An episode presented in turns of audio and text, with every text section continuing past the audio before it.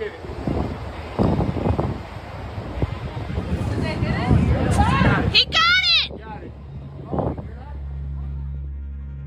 litt under to uker siden skjøt amerikanske jagerfly ned en ballong på størrelse med Oslo rådhus.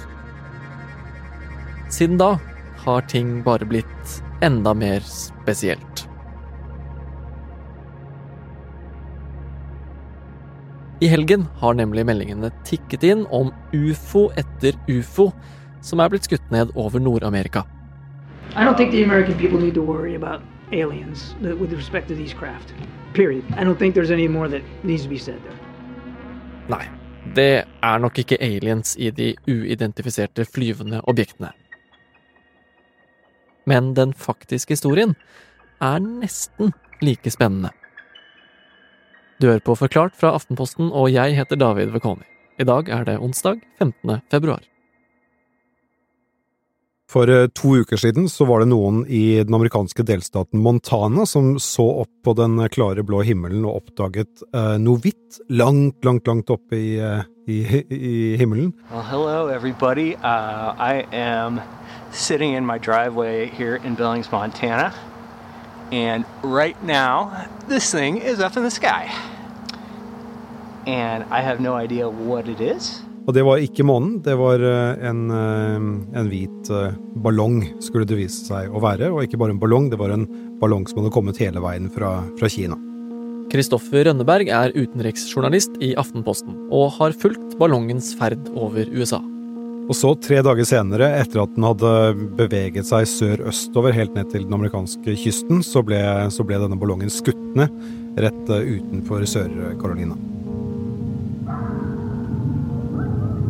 Holy shit.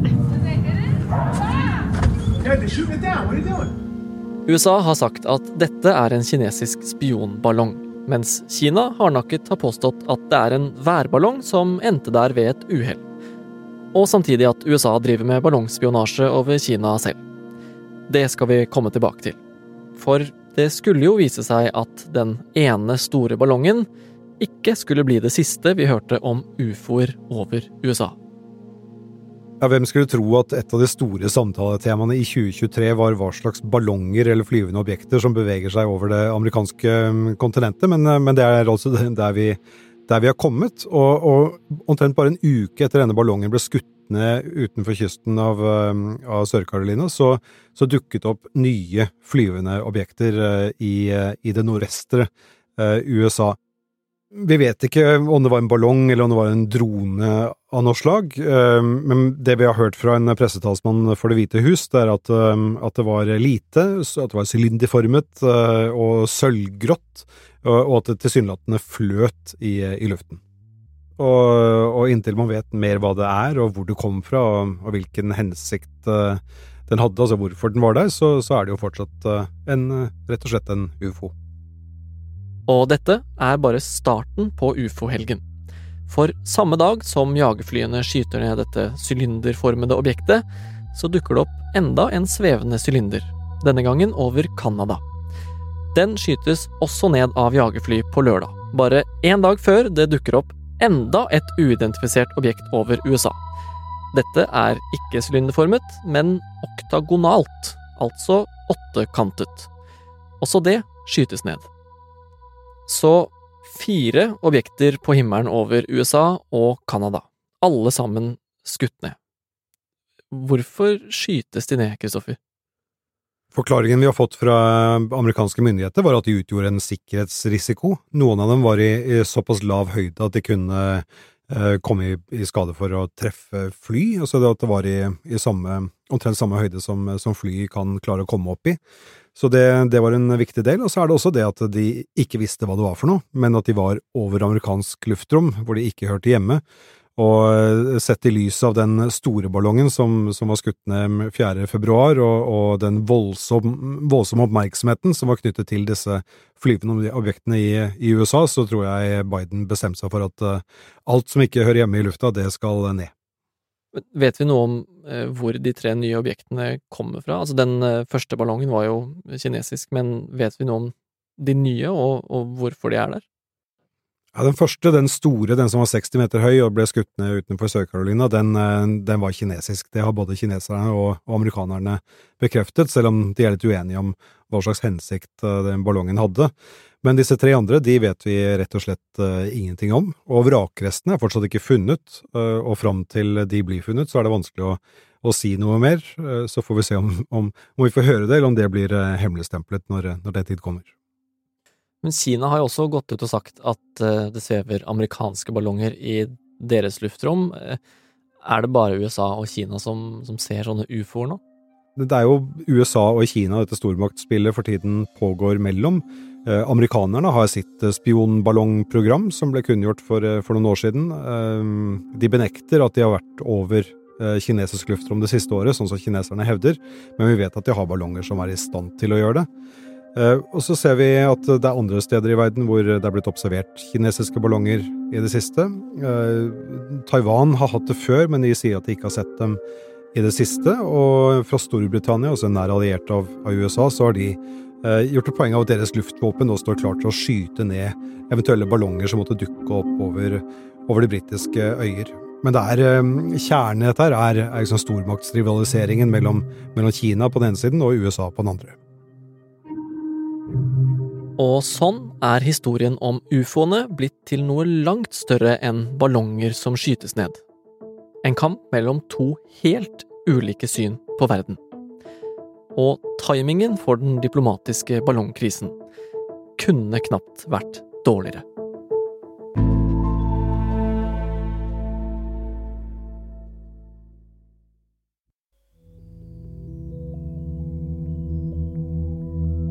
Kristoffer, nå har vi hørt eh, mye nyheter om ballonger over USA og også Kina den siste uka. Men er det her noe nytt som de har begynt med nå? Altså, Spionballonger, det er skikkelig gamle greier. Det har man brukt eh, for å overvåke hverandre med eh, i flere hundre år. Altså, Napoleons soldater de sendte opp en type spionballonger allerede på slutten av 1700-tallet. Og under den amerikanske borgerkrigen var det vanlig å sende ballonger over på den andre siden for å se hva som, hva som foregikk der. Så, så, dette er noe man har brukt hyppig i historien. Og hvis vi hopper litt uh, lengre frem til, til, vår, til, vår, samtid, så kan vi bare se på, på den kalde krigen. At uh, der ble det sendt spionballonger uh, på, på, kryss og tvers fra, fra både USA og, og Sovjetunionen. Og, og, til og med fra, fra norsk territorium så ble det sendt opp spionballonger for å overvåke både Kina og, og Sovjetunionen. Og så tok jo den kalde krigen slutt, og, og da kom det, kom det, nye tider hvor, eh, hvor, man skulle forsøke å, å skape at man hadde mer tanke på globalisering, at man skulle ha mindre rivalisering. Men det, der har vi jo sett at det har vært masse opp- og nedturer, og mens man har hatt disse opp- og nedturene, så har spionballongene fortsatt å, å flyte gjennom atmosfæren. Ok, men La oss begynne med nedturen litt. da. Fins det noe punkt i nyere historie der det begynte å skjære seg mellom eh, øst og vest? Jeg tror vi kan eh, se på Kinas vekst, eh, som begynte på tidlig 80-tall, eller sent 70-tall, og så ble den sterkere og sterkere, og gjennom 90-tallet så ble det tydelig at Kina var i ferd med å bli en stor geopolitisk aktør, og kunne fylle litt av det tomrommet som Sovjetunionen hadde, hadde etterlatt seg. Og det har vi sett eh, skje tydeligere og tydeligere, at eh, Vesten på en måte har eh, begynt å sakke litt akterut, mens Kina har, har rykket frem, og da har man fått en, en rivalisering som har blitt eh, mer og mer Altså stormaktsspillet har blitt tydeligere og tydeligere, eh, og akkurat nå så er det jo supertydelig. Og, og spesielt i, i, de siste par årene etter at eh, Donald Trump ble president, så erklærte jo han en handelskrig mot eh, Kina, en handelskrig som, eh, som Joe Biden har fortsatt å, å, holde i stand. Og nå er det faktisk litt krise i, i forholdet mellom disse to stormaktene. Og så skjedde det som stort sett har påvirket alt vi har snakket om det siste året. Invasjonen av Ukraina. Så rett før Russland invaderte Ukraina, så hadde Xi Jinping og, og Vladimir Putin et møte eh, da, da, det var vinter-OL i, i, Beijing. Og da lovet de et forhold uten grenser. Eh, og det skjedde Det var i begynnelsen av februar, og 24. februar så invaderte altså Russland Ukraina. Og da var Kina sånn bondefanget, fordi de hadde eh, erklært dette vennskapet med, med Russland, og samtidig så har kineserne vært tjent med å, å ha én fot i begge leirer, og, og, ikke ta parti med noen av, eh, noen av de krigførende partene. Men det har også kostet en del diplomatisk. Det har gjort at Kina har blitt litt utestengt fra en del gode selskaper, spesielt fra, fra Vesten.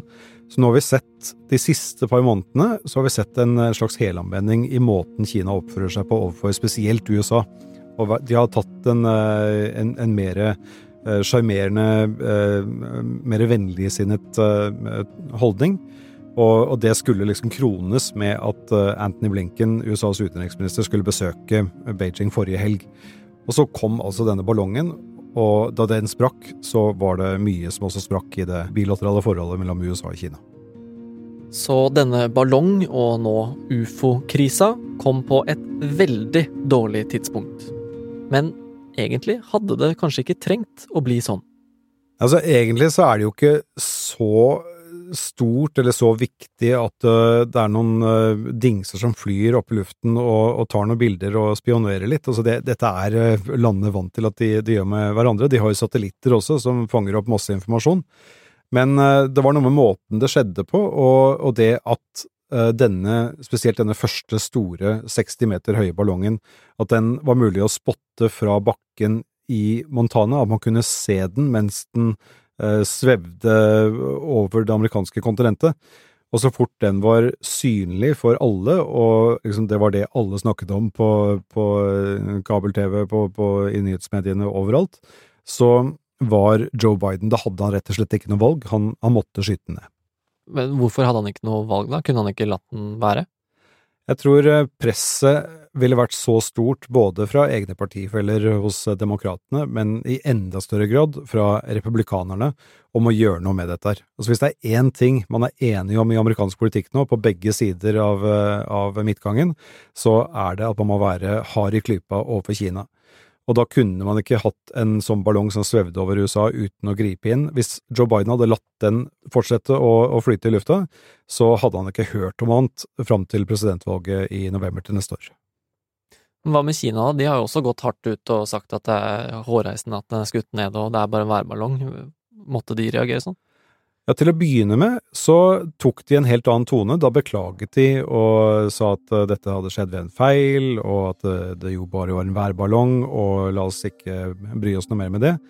Uh, så de tok en, en ganske snill tone til å begynne med, men så fort den var skutt ned, så endret det seg, og da, da, snudde de og ble ganske aggressive. Hvis man leser kinesiske partiorganer nå i dag, så, så er de ganske harde i tonen overfor USA. Og, og, det er nok også fordi Xi, selv om han er en mektig diktator og har lite utfordringer eh, knyttet til hvilken makt han har i Kina, så er han også nødt til å vise styrke. Han kan ikke tape ansikt i en sak som dette her. Så så fort denne kinesiske ballongen var skutt ned, så måtte han også da reagere med, med en, eh, ganske hard tone. Ok, så timingen var veldig dårlig for eh, at en sånn her situasjon skulle oppstå. Men hvis disse ballongene er så vanlige eh, som du sier, hvorfor oppdaga vi dem først nå, da? Nei, Den første ballongen den var så stor at den, eh, den hadde man sett uh, uansett. Hvorfor den uh, var over USA uh, i en slik høyde at den kunne bli sett, det har vi ikke fått noen gode svar på ennå. Det virker litt ulogisk, spesielt at det skulle skje rett før Blinken, altså utenriksministeren, skulle besøke Beijing. Når det gjelder disse andre, de som ble skutt ned nå i, i helgen, så er jo de mye mindre. Og grunnen til at de ble oppdaget eh, Altså, man kan tenke seg selv, hvis man står på en klar, fin dag og himmelen er blå og man vet at månen er der oppe, man kan vite nøyaktig hvor den er, og så ser man opp dit, så er den vanskelig og kanskje umulig å se. Hvis man da tenker seg at man har eh, en, et lite objekt som, som er eh, mange titusen fot opp i luften, midt på en klar dag, så er den også veldig vanskelig å oppdage, med mindre man vet hva man skal se etter og hvordan man skal gjøre det. Og det var det amerikanerne plutselig nå skjønte etter at de begynte å bli mer oppmerksomme på flyvende objekter, at de, de måtte begynne å lete på en annen måte. Så fort de gjorde det, så fant de disse tre, som de da altså da skjøt ned. Og nå da, hva, hva skjer videre? Så kommer vi til å se flere ufoer fremover? Ja, først må de finne vrakrestene etter de de har eh, skutt ned allerede, og, og hvis det dukker opp flere så, så i lufta, så, så, vil jeg tippe at de, at de, skyter ned dem også. Men jeg tror det viktigste nå, det er, den, det er den skaden som har skjedd på forholdet mellom Kina og USA, i det som var ment å være en, en tid hvor ting skulle gå i riktig retning. Men akkurat nå så kan det se ut som om ideen om et nytt og bedre forhold, at det rett og slett har vært et luftslott.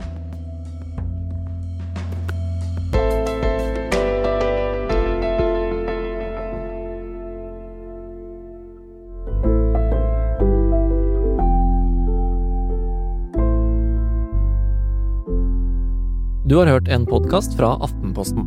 Det var Kristoffer Rønneberg som fortalte om ufoer, bilaterale kriser og 1700-tallsballonger. I denne episoden har du hørt lyd fra nyhetsbyrået AP. Episoden er laget av produsent Jenny Førland og meg, David Vekoni. Og resten av Forklart er Trond Odin Johansen, Philip A. Johannesborg, Synne Søhol og Anders Weberg. Takk for at du hørte på. Hva er det vi syns er morsomst å prate om? Alt vi scroller på. ikke sant? Og det liker vi å prate om sammen, men også med våre fantastiske gjester i Poprådet. Hver tirsdag. I Podme eller i Aftenposten-appen.